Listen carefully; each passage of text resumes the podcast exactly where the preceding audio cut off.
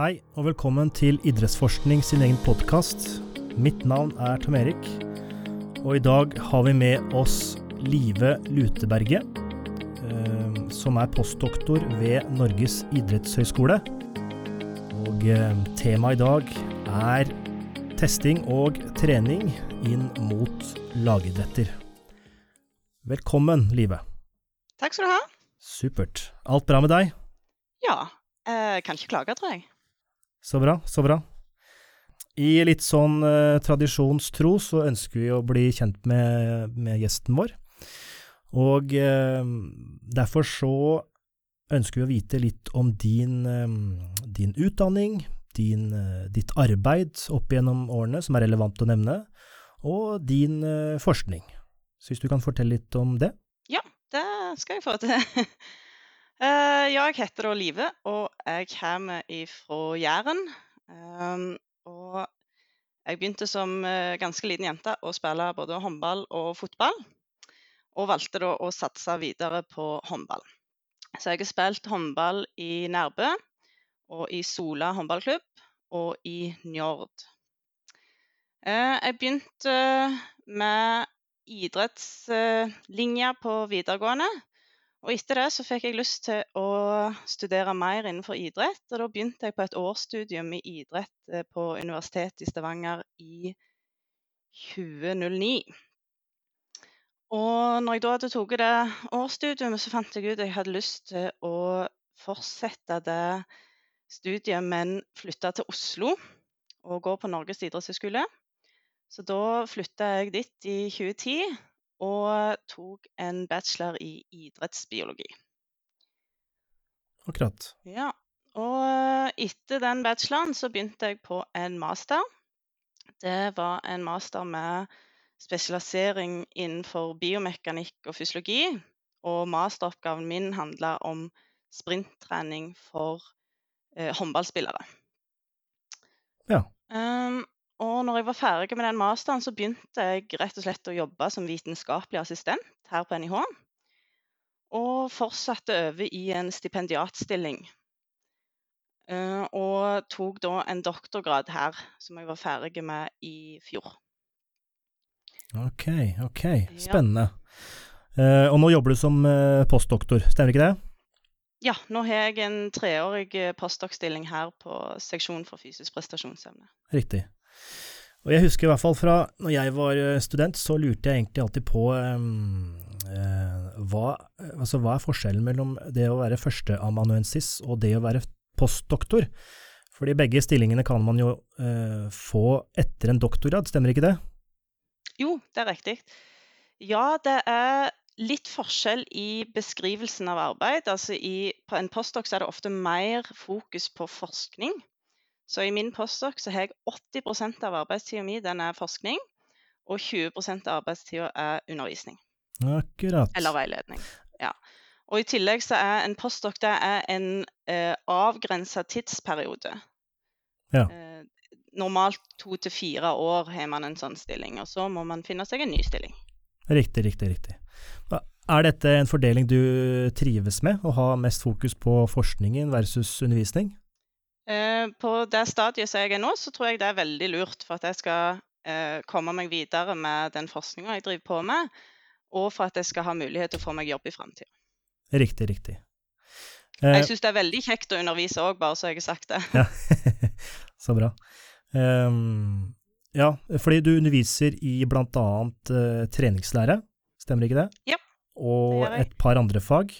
Ja, jeg eh, har emneansvar for et fag som heter fysisk trener i ballspill, som er på siste året på bacheloren vår. Riktig. Og det, med din både erfaring og akademisk bakgrunn, så passer vel den, eh, eller det faget veldig bra, regner jeg med? Jeg syns jo det. Så får jeg håpe at eh, studentene er enig i det, da. Det, det burde de være enig i, ellers så ja. Eh, greit. Ehm, doktorgraden din heter Kamp- og treningsanalyser i håndball. Kan du fortelle litt om eh, innhold, og hvordan du endte opp med akkurat eh, dette temaet? Ja, det kan jeg prøve på. Eh, Det hele starta egentlig når jeg skrev masteren min, så hadde vi et samarbeid med Håndballforbundet. Og etter jeg var ferdig med masteren, så hadde Håndballforbundet lyst til å fortsette dette samarbeidet. Og det de hadde lyst til å finne ut av, var hva er det vi egentlig gjør på banen? Hva er det som skjer når vi spiller kamp? Og hvordan er treningene våre tilrettelagt likt det som skjer i kamp? Og vi snakker da om det, eh, de fysiske arbeidskravene som skjer i kamp, som vi først og fremst ville se på. Mhm. Så det, det første vi gjorde, var jo da å kikke på hva er det som finnes i litteraturen av, eh, av sånne analyser. Og på fotball og rugby f.eks. så finnes det ekstremt mye. Eh, De begynte allerede på 70-tallet og da kikke på hva som skjer i en fotballkamp. Hvor langt man løper, f.eks. Ja, ok. Hvordan, eh, vet hvordan man målte det? Eh, Ja, i begynnelsen så var det mye eh, håndanalyse. At de, eh, de noterte ned hvor mange sprinter de tok, og Ah, hvor mye de jogga. Og det var mye eh, Det var litt subjektivt, da. sant? Du, ja. du var en mer eh, følelse Eller du så på når noen spilte en kamp, og så noterte du ned hvor langt sprinta de. Riktig. de, jo, de vet jo hvor lange banen er, så det er jo ikke, så, det er ikke bare eh, helt ut av det blå. Riktig. Men det er litt eh, subjektive her om hva som er en sprint, og hva som er løping. Mm, mm, mm. Men etter hvert så begynte man å bruke mye videoanalyse. Og da kan man eh, litt klarere tegne opp eh, Hvis man har en video på PC-en, så kan man tegne opp linjer og få vite hvor, akkurat hvor langt man har løpt, f.eks. Og når man da har hvor langt du har løpt, så kan du også få hvor fort du har løpt det. Hva, hva fart du løper i. Mm. Og det er det gjort eh, en del av eh, både i fotball, men også i håndball. Så det, det var det første vi begynte å kikke litt på. Og da, det vi fant, var jo at det er gjort eh, både med videoanalyse, så er det gjort litt, og så er det gjort litt med hjertefrekvensanalyse på håndball. Mm, mm. Uh, og hvis vi da ser på den forskningen som, uh, som var da når jeg begynte å kikke på dette i 2014-2015, så hvis man leste den forskningen samla, så ser det ut som at en håndballspiller eh, løper ca. 4-5 km per kamp, Mm. og at vi sprinter ca. 11 meter. 11 meter, altså per sprint, eller totalt? Nei, totalt i kampen. Totalt? Oi, wow. 11 meter? Ja, ikke sant? Og eh, det er godt at du reagerer på det, for det var det vi òg gjorde, at dette høres jo veldig lite logisk ut. Mm. Sant? At hvis du sitter på en håndballkamp, så vet du jo at det er veldig høy intensitet. Absolutt. Men hvis vi ser på de tallene som fantes i litteraturen, så så det jo egentlig ut som at vi kanskje ikke trengte være så godt trent for å spille håndball. Nei, ikke sant. Kunne jog jogge i, i 4-5 km og sprinte bitte litt. Men vet du hva som var grunnen til at eh, det, analysen ble slik, og at det ble eh, analysert slik? Ja, eh, grunnen til at disse, disse analysene er jo gjort da med video, Mm. Og så har de eh, målt hvor langt de har løpt, og så deler de det på hvor lang tid du har brukt på å løpe det. Så altså da får du en fart. Og så setter de ofte inklusjonskriterier for hva som er en eh, jogging, hva som er gåing, og hva som er sprinting, f.eks. Mm. Mm. Og så er det mange som da har brukt eh, de samme eh, inndelingene her i håndball som de har brukt i fotball. Ok. Og hvis vi da uh, ser på hva som er inklusjonskriteriet for en sprint, så nærmer vi oss 25 km i timen. Oi. Mens en håndballbane den er bare 40 meter. Ja. Så det er veldig få ganger du faktisk kommer opp i den farten. Mm. Selv om du har maksimal innsats i en sprint, så du, har du ikke lang nok tid til å komme opp i såpass stor fart at det faktisk blir inkludert som en sprint. Riktig. Riktig. Så, så ja, så, så det er litt av bakgrunnen da, for at vi kanskje hadde lyst til å kikke på dette på en litt annen måte. Vi hadde lyst til å bruke litt andre målemetoder for, for å vite noe om hva som skjer på håndballbanen, Mm. og om det er litt mer informasjon vi kan få ut av det, enn bare hvor langt man har løpt og hvor fort det var. Men ønsket dere da å definere hva som var sprint og eh, halvveis sprint, jogg, gå osv. for en håndballspiller og håndballspille? Det, det har vi ikke kikket så mye på. Eh, vi vet veldig lite om disse her sonene og hvordan de bør klassifiseres. Mm. eh, Nå snakker jeg fra annen type forskning, men at det, det er noen som mener at denne, eh, disse sonene bør settes ut ifra en individ sitt maks. Altså hvor, hvor fort kan denne personen løpe, og så kan vi ta en prosent av det og si at det er sprint, f.eks. Mm, mm. Ja, for da må du ha hvert individs eh, eh, toppfart. Riktig. Og det kan vi få med hjelp av en sprinttest, f.eks. Uh, det som da er litt vanskelig, er kanskje da å sammenlikne dette mellom spillere, eller hvis du utvikler deg. Sant? Hvis du blir raskere, mm. så vil du Mm. ha en, en litt vanskeligheter å, å relatere det du gjør i kamp, til tidligere når du hadde en annen maks. Ja, ikke sant. Så det kan være litt Det det er både fordeler og ulemper med å ha individuelle sånne eh, bands, eller Mm. soner. Mm. mhm. Eh, og det er ikke helt enighet i litteraturen om, om hva som er best, Mhm. men de fleste bruker eh, generelle soner, sånn at det er enklere å sammenligne fra gang til gang og mellom nivåer, f.eks. Ja, riktig. Men, men det var altså ikke det vi hadde eh, lyst til å kikke på. Vi hadde lyst til å undersøke litt mer disse veldig brå bevegelsene som vi vet at skjer mye i lagidrett, og kanskje spesielt i håndball, der de har veldig liten plass. Altså Det er jo bare 40 ganger 20 meter, og så er det eh, sju spillere på hvert lag. Så vi vet at det skjer mye brå bevegelser, som f.eks. akselerasjoner, retningsforandringer, hopp. Det var disse eh, aksjonene da vi hadde lyst til å kikke på. Ja, riktig. Og hva, hva fant dere da? Nei, først så måtte vi jo kikke på om det var- var en måte å undersøke dette på. Mhm, I tidligere studier så har de brukt um, videoanalyser for å si noe om hvor mange taklinger man har, f.eks. Mm. Og det, det er en veldig god start. Problemet der er kanskje at vi ikke vet noe om intensiteten i det. Vi kan bare telle at det skjer, men vi vet veldig lite om intensiteten i den aktiviteten som skjer. Så det vi hadde lyst til uh, å prøve ut, var å bruke bevegelsessensorer for å kikke på dette. Og bevegelsessensorer er f.eks. et akselerometer som måler alle akselerasjoner som skjer. Og der kan vi få et litt større innblikk i intensiteten på det vi gjør, i tillegg til en, et tall på hvor mange det er. Og når du nå snakker om intensitet, så ikke folk forveksler det med, med hjertefrekvens, så snakker du om meter per sekund, eller eh, altså meter per sekund hvert sekund, altså akselerasjon? Riktig. Riktig. Meter per sekund i annen. Ja, Rian, ja. Mm. Ja, jeg tenker på intensitet bare som størrelsen på et signal, kanskje. Ja, ja. Mm. Ja. Så størrelsen på signalet her er da hvor store er denne akselerasjonen. Mm. Så vi eh, prøvde da å bruke disse akselometerne. Så det første vi gjorde, var da å sjekke om, om disse ga eh, reliable svar. Altså hvis vi målte det samme flere ganger, viste akselerometrene det samme svaret hver gang. Mm. Og der eh, kikket vi litt på ulike variabler. Den ene var player load.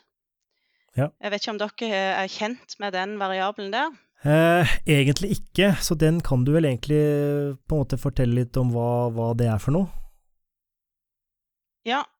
Eh, player load er en variabel som prøver å fange alle bevegelsene som skjer.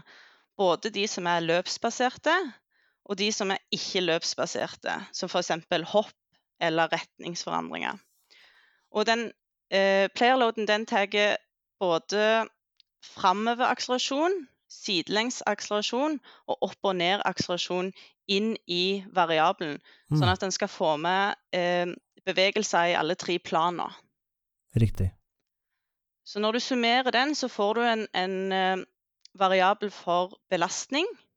Mm. Men så kan du òg dele den på hvor mange minutter du har spilt, f.eks.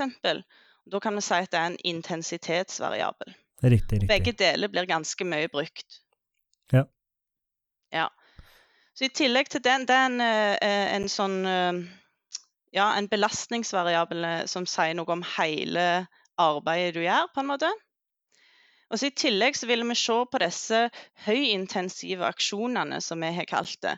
Som er da akselerasjoner og retningsforandringer og deselerasjoner, altså brems. Ja. Eh, og da hadde vi eh, eh, en variabel som heter high intensity events. Som hadde et inklusjonskriterium på at det måtte være over 2,5 meter per sekund for å bli inkludert.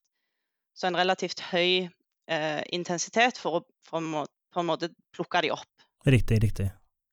Ja. Og da fant vi ut at både player load og disse high intensity events de var ganske eh, reliable.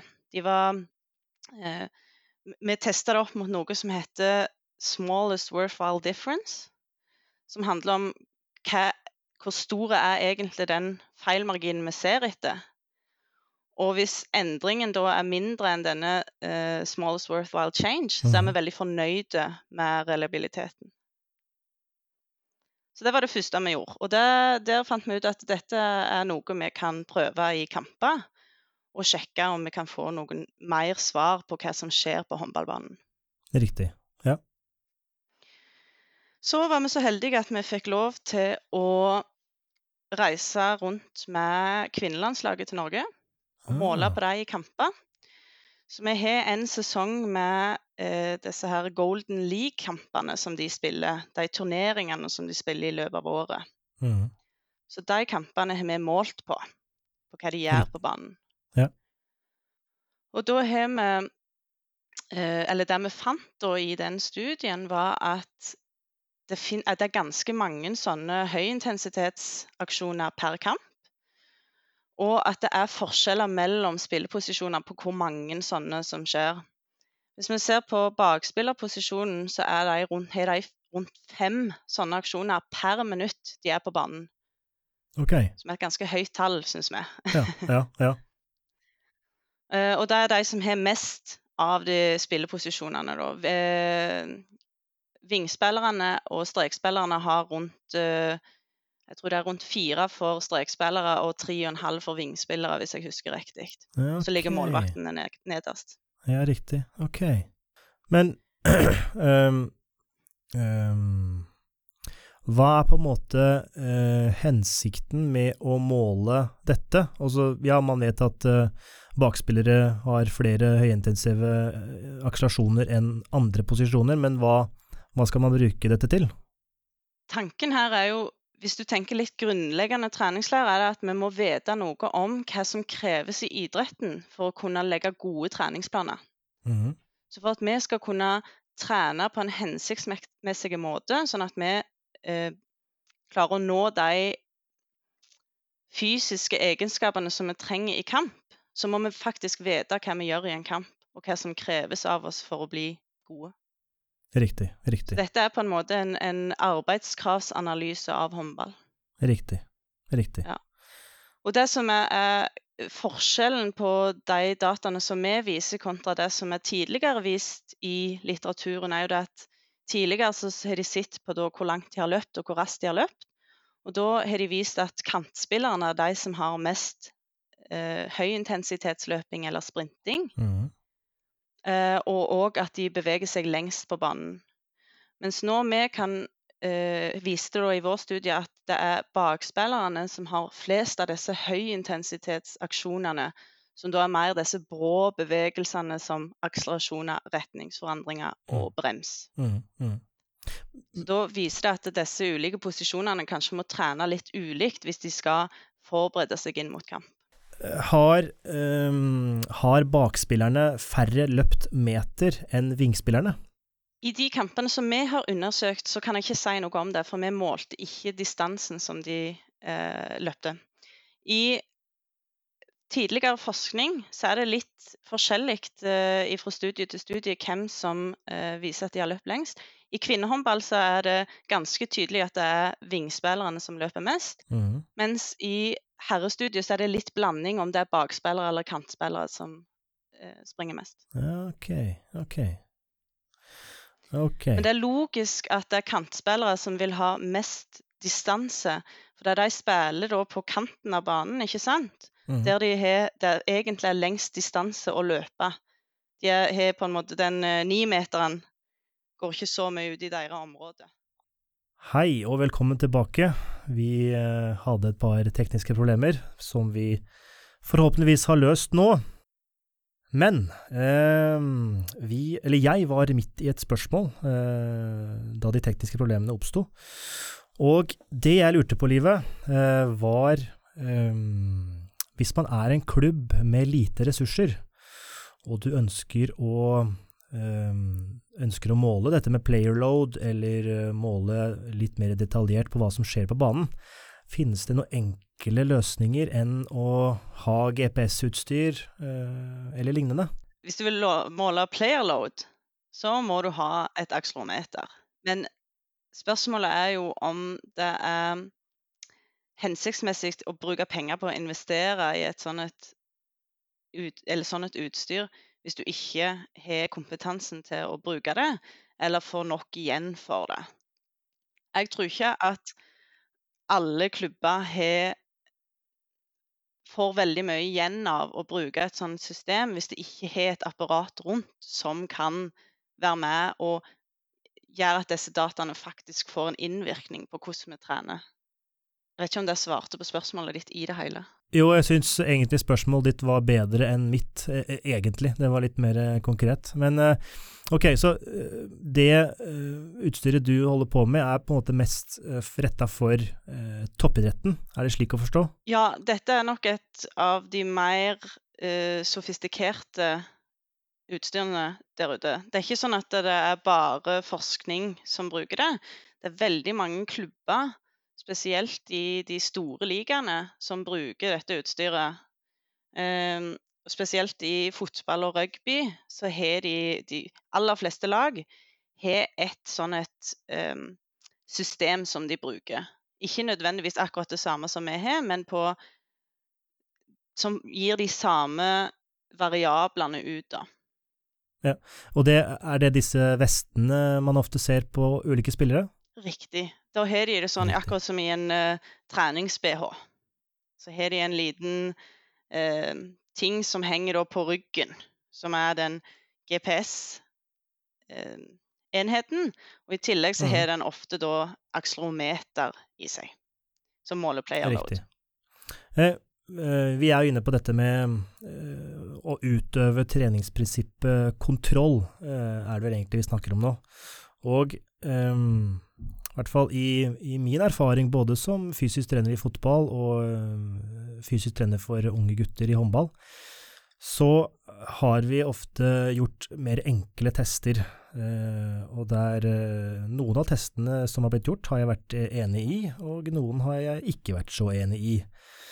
Men hvis vi tenker håndball og testing, så eh, er det noe hensikt å teste? I så fall, eh, hva burde man teste?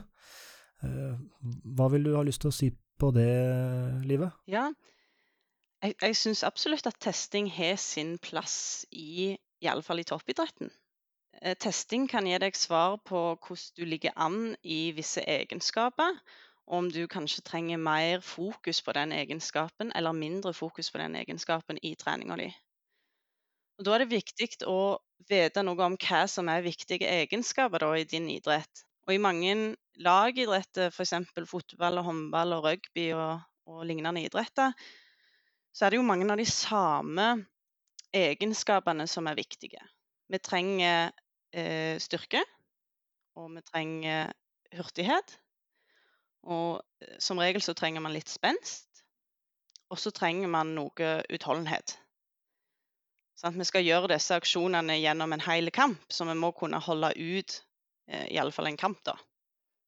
Så jeg syns absolutt at det kan være greit å ha en, noen tester som sier noe om hvordan vi ligger an i disse egenskapene, og om vi gjennom treningsprogrammet vårt faktisk forbedrer de egenskapene vi har lyst til å forbedre.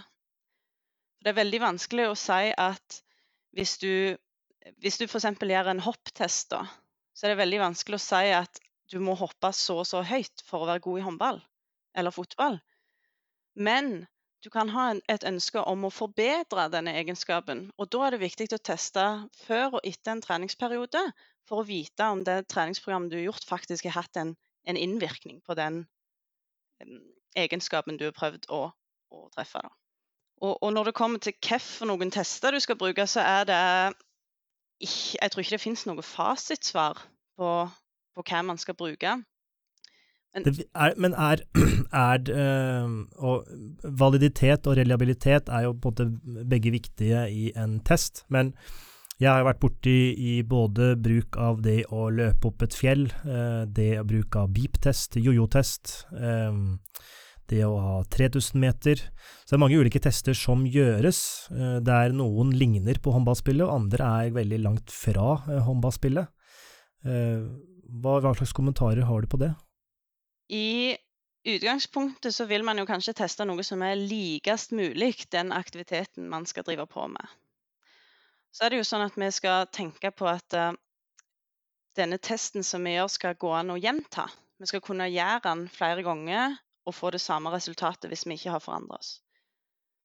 Og Det er derfor de har lagd en del sånne tester, sånn som beep-test og jojo-test, som du nevnte, som er um, inneholder bevegelser eller bevegelsesmønster som vi ser i disse idrettene, men som er såpass standardiserte at det går faktisk an å se om vi har hatt en framgang eller ikke. Mm, mm. Hvis vi går for langt mot å si at det skal være idrettsspesifikt, så kunne man kanskje bare sagt at OK, vi skal spille en kamp, og så skal vi se om jeg holder ut eller ikke. Det er på en måte den ultimate testen for utholdenhet. Litt satt på spissen, ja. selvfølgelig. Ja. Men det som er problemet da, er at det er veldig mange ting som spiller inn i en kamp på om du vil holde ut eller ikke. Det kommer an på motstandere, på eh, medspillere f.eks. Og det er veldig mye forskjellig som skjer i en kamp. Så det går ikke an å teste én kamp og så spille en kamp ei uke etterpå og så si at det, jeg skal få akkurat det samme resultatet. Så Det er derfor vi bruker litt eh, sånn standardiserte tester da, for å si noe om de fysiske egenskapene. Men så vil man jo selvfølgelig ha de så nærme vi kan til idretten.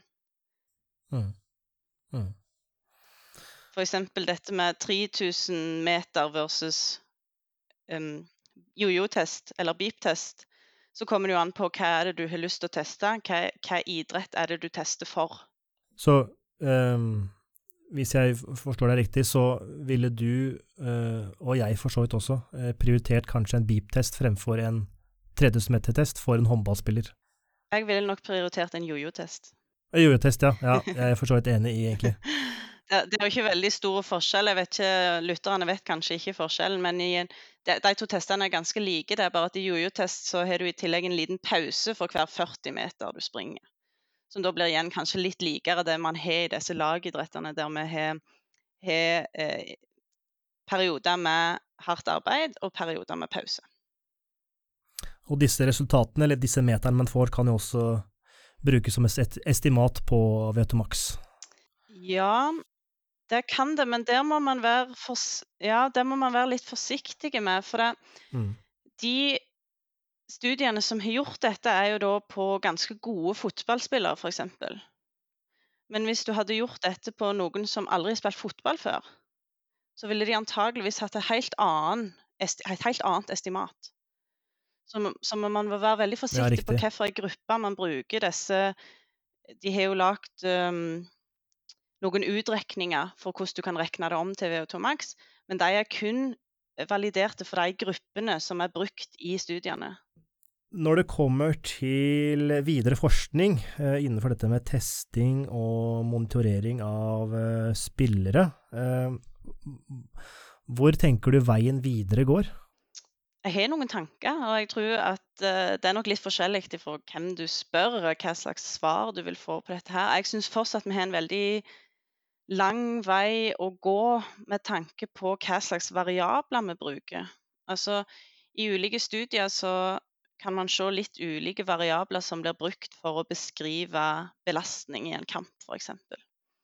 Hvis du bruker et uh, eh, GPS-utstyr nå, så når jeg uh, har hatt ei økt med noen, og laster ned dataene, så kan jeg få 400-500 ulike variabler ut av den økta.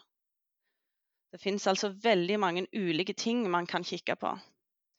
Men det som vi vet mindre om, er hva er det disse variablene betyr for noe? Og hvilke er det som er viktige i de ulike idrettene? Hvilke er det som er viktige for å si noe om hvor, eh, hvor stor belastning man har hatt, f.eks.? Og hvilke er det som er viktige for å vite noe om hva slags progresjon du får i treninga? Og dette tror jeg er en viktig ting som vi må undersøke litt videre for å få bedre kunnskap om idretten, og hvordan vi kan bruke disse nye teknologiske, altså GPS-ene og akserometerne, for å skape bedre treningshverdager for idrettene. Hørtes det logisk ut? Ja, absolutt. Absolutt. Eh, absolutt. Eh, da tenker jeg vi beveger oss litt fra dette med testing over på trening. I mai i år så um, hadde du et fremlegg uh, ved NIH sitt uh, styrkekurs, der du snakket om styrketrening inn mot, inn mot lagidrett. Stemmer ikke dette? Det høres kjent ut. Kjør kjent ut, ja. ja det, det er nydelig. og det er på en måte Jeg tror det er mange der ute som på en måte ønsker å vite litt om hvordan hvordan og hvorfor eh, man burde trene som en lagidrettsutøver. Og med din eh, både kompetanse og erfaring fra håndball, så har jo du eh, en god pondus til å si noe om det. Så kan du bare starte med å Ja, hvorfor skal man egentlig trene styrke inn mot lagidrett og f.eks. håndball? Hva er poenget med det? Ja, altså som dere sikkert vet, så er det eh, håndball og andre lagidretter ganske fysiske idretter. Og vi trenger en del av disse fysiske egenskapene for å kunne prestere på et høyt nivå. Og styrke, som du nå spurte spesifikt om, er jo en av disse egenskapene som er viktige å ha i håndball. Både fordi at du må eh, kunne takle og stå imot i forsvar.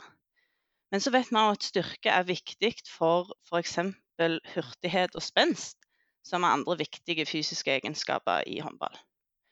Og hvis vi skal utvikle disse egenskapene, så er det nok viktig at vi trener spesifikt på dem for å kunne utvikle dem.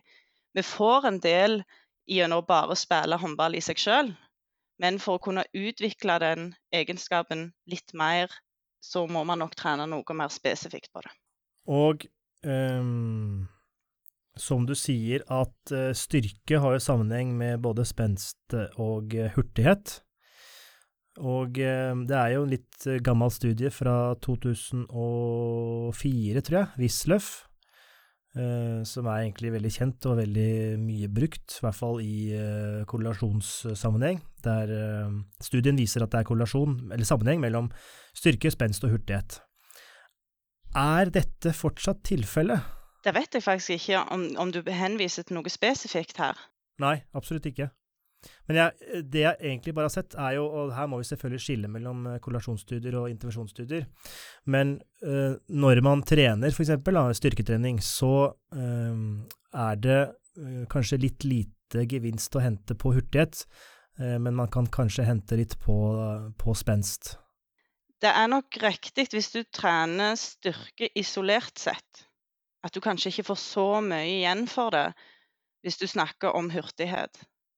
Men hvis du eh, ser på f.eks. en akselerasjonsfase, som ofte er viktig i lagidretter Vi har ganske korte sprinter, så vi trenger å akselerere fort. Så vil styrke være en ganske viktig ting inn i den akselerasjonsfasen. Og Der ser vi at det er en større sammenheng mellom styrke og liksom, hurtighet i akselerasjonsfasen enn det er på lengre distanse. Men så, men så er man jo selvfølgelig eh, avhengig av at man kan ta med seg den styrken og trene i tillegg spenst og hurtighet for å få kanskje maksimalt utbytte av det. Så spesifisitet i treninga, at man klarer å ta det med seg ifra styrkerommet og ut i feltet. Mye av uh, argumentene til både, eller iallfall tidligere, uh, argumentene til både Bent Rønnestad, uh, Jan Helgerud, Jan Hoff med, med, flere, er jo at kanskje selve idretten, spesielt ballspill, har mye spenst og hurtighet i seg. og at man kanskje ikke trenger den spesifikke treningen i tillegg. Hvordan stiller du deg til den påstanden der? Ja, jeg, I de siste årene har det jo vært veldig mye fokus på dette at vi alltid skal trene veldig idrettsspesifikt. At all trening kan på en måte være eh, så idrettsspesifikt som mulig. Og jeg mener ikke at det er en, en dårlig ting, men det er flere grunner til at jeg, jeg tenker at det kan være lurt å trene litt spesifikt på de fysiske egenskapene. Og Det ene argumentet jeg har, er at hvis du kun spiller fotball eller kun spiller håndball, så vil du ikke på en måte trykke det til maks på disse egenskapene. Da vil du ikke få den samme gevinsten som du vil kunne få hvis du faktisk trener den egenskapen til det maksimale i ei egen økt. Da er du avhengig av at du eh, manipulerer spillet på en måte som gjør at du får utnytta disse egenskapene maksimalt i økta. I tillegg så har det jo vært en, en ganske stor eh, mediedekning på dette med overbelastning og belastningsskader, kanskje spesielt i håndball. Og man eh, kan kanskje si at eh, hvis man da hele tida skal gjøre alt veldig idrettsspesifikt, så får man en litt mer ensidig belastning enn om man faktisk gjør noe annet på de dagene man har fysisk. F.eks. å gå i styrkerommet og ta ei styrkeøkt, kontra det å gjøre eh, bare spesifikke øvelser ute på feltet. Ja, godt poeng. Takk. Absolutt. Absolutt. Fordi, eh, i hvert fall når jeg eh, holdt på å si vokste opp, men eh, studerte, så blei det jo Og dette var i 2000 og ja, Masteren min tok jeg fra 2010 til 2012. Um, og um, der var det veldig mye Der var jo eh, ja, De to jeg nevnte fra Trøndelag, eh, var jo veldig fremtredende, i hvert fall i fotballmiljøet, der de snakket om ulike arbeidskrav som, eh, som spillerne burde ja. ha. Og blant annet var det jo 200 kilo i knebøy ja. som var et av disse kravene. Og i hvert fall i min tid som fysisk trener innenfor fotball, så har jeg aldri sett en person, eller fotballspiller, løfte 200 kilo. Uh, en viktig påpekning her at jeg tror de snakket om halve bøy. Ja, absolutt. Halve bøy. Absolutt. Ja. Eh, ja. Absolutt. Half squat. Uh, ja. Og eh, Men uansett så er det ganske mange kilo. og det jeg har sett Og nå, nå, har ikke jeg jobbet med, med eliteutøvere, jeg har jobba med Eh, andre- og tredjedivisjon. Eh, men der har jeg kanskje sett maks ja, 130-140, eh, som kanskje har vært en 1,6 til 1,8 ganger egen kroppsvekt. Mm. Så spørsmålet er Styrke er jo ganske fleksibelt, og, og, kravet til styrke er ganske fleksibelt dersom man har andre egenskaper man kan kompensere med. Er ikke dette korrekt? Jeg syns jo det som er veldig interessant med lagidrettet, er jo at man kan ikke si at det er én ting som gjør at du er god som utøver. Det er veldig mange forskjellige egenskaper du kan ha som gjør at du blir en god håndballspiller eller fotballspiller. Og innad i et lag så vil du se at det er veldig mange forskjellige spillere som er gode på forskjellige ting, som komplementerer hverandre og gjør at det blir et godt lag. Og vi kan ikke si at det finnes et krav for hvor sterk du må være. Det tror jeg ikke finnes i lagidrett. Du kan ikke si at du må være så sterk. Men at styrke kan være en, en ting som hjelper deg til å ha en god teknikk, f.eks. Kunne komme deg for, forbi spillere lettere. Kunne stoppe spillere. Og kunne kanskje holde deg skadefri så tror jeg det er absolutt viktig, en viktig del av treningshverdagen til mm, utøvere. Absolutt, eh, og eh, fint at du nevner det, dette med det å holde seg skadefri. Eh, fordi styrketrening spiller jo en stor rolle der, og det å være sterk og robust. Nå er det kanskje ikke Eller dette må du nesten svare på, men er det noen sammenheng mellom det å være sterk og det å holde seg skadefri? Ikke så jeg vet om. Ikke så enkelt og banalt som det. Jeg skulle, jeg skulle ønske at, det, at, du kunne bare trene deg til å bli kjempesterk og aldri bli skada, men jeg tror ikke det er en så enkel sammenheng. Altså, jo mer eh, kraft du har, eller jo sterkere du er, jo mer kraft kan du utvikle. Som kanskje kan igjen da sette deg i større skaderisiko. Så jeg tror ikke at det fins bare et sånt uendelig sammenheng mellom hvor sterk du er og hvor lite skada du er, dessverre. Og øh, skade Hva skal jeg si Skadetematikken er jo øh, vanskelig og og hva skal jeg si? Komplekst. Kompleks er ordet jeg leter etter. Takk skal du ha. uh, og i hvert fall i, men i min erfaring, og dette er erfaringsbasert, så uh, ble det til slutt at Styrketreningen var et middel for å holde seg skadefri, uh, og ikke et middel for å oppnå bedre prestasjoner på banen. Eh, det er i hvert fall min erfaring. Eh, hvordan stiller I noen miljø så tror jeg det er riktig. Ja.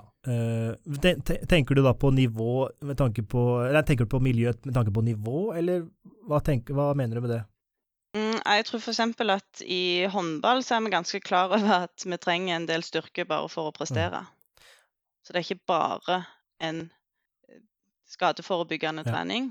Og jeg tror at i de fleste idrettene er man klar over det. Men så handler det litt om hvordan man velger å eh, snakke om denne type treninger.